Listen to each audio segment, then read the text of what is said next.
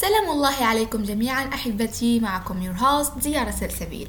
هناك العديد من الصفات على الجميع أن يطور منها ويحسنها من حين إلى آخر. طبعا لن تستطيع تحسين كل الصفات في مرة واحدة ولكن كل مرة هكذا تحاول أن تطور من صفة أو من عادة لديك. صفة لابد لكل فرد الاتسام بها. ربما هي الأساس من أجل عيش حياة ومكانة مرموقتين في ظل مجتمع قاس وأحداث لا ترحم. لابد من أن هذه الصفة هي الثقة بالنفس.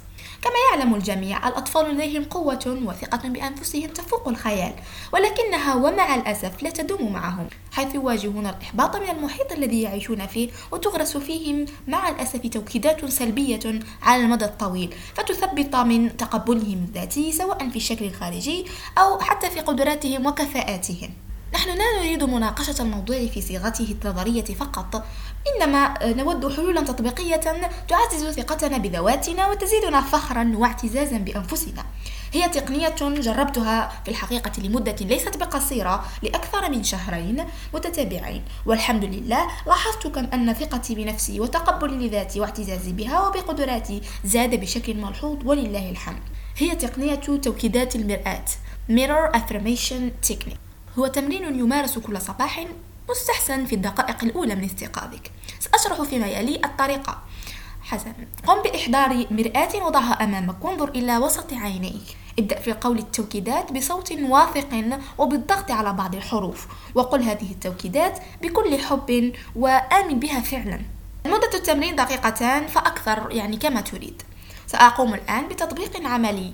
لنفرض أن أمامي مرآة وأنا الآن أركز وسط عيني. أنا رائعة. أنا فريدة من نوعي. أنا جميلة. لدي جسم ووجه جميلان. I am successful. I believe in myself.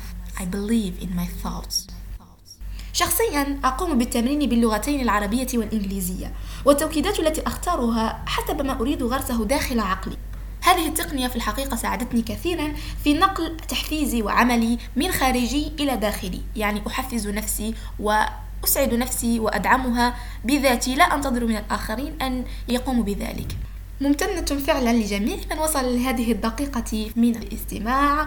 أحبكم في الله أحبتي. أنتظروا تجربتكم وأستودعكم الذي لا تضيع ودائعه. كانت معكم زيارة سلسبيل.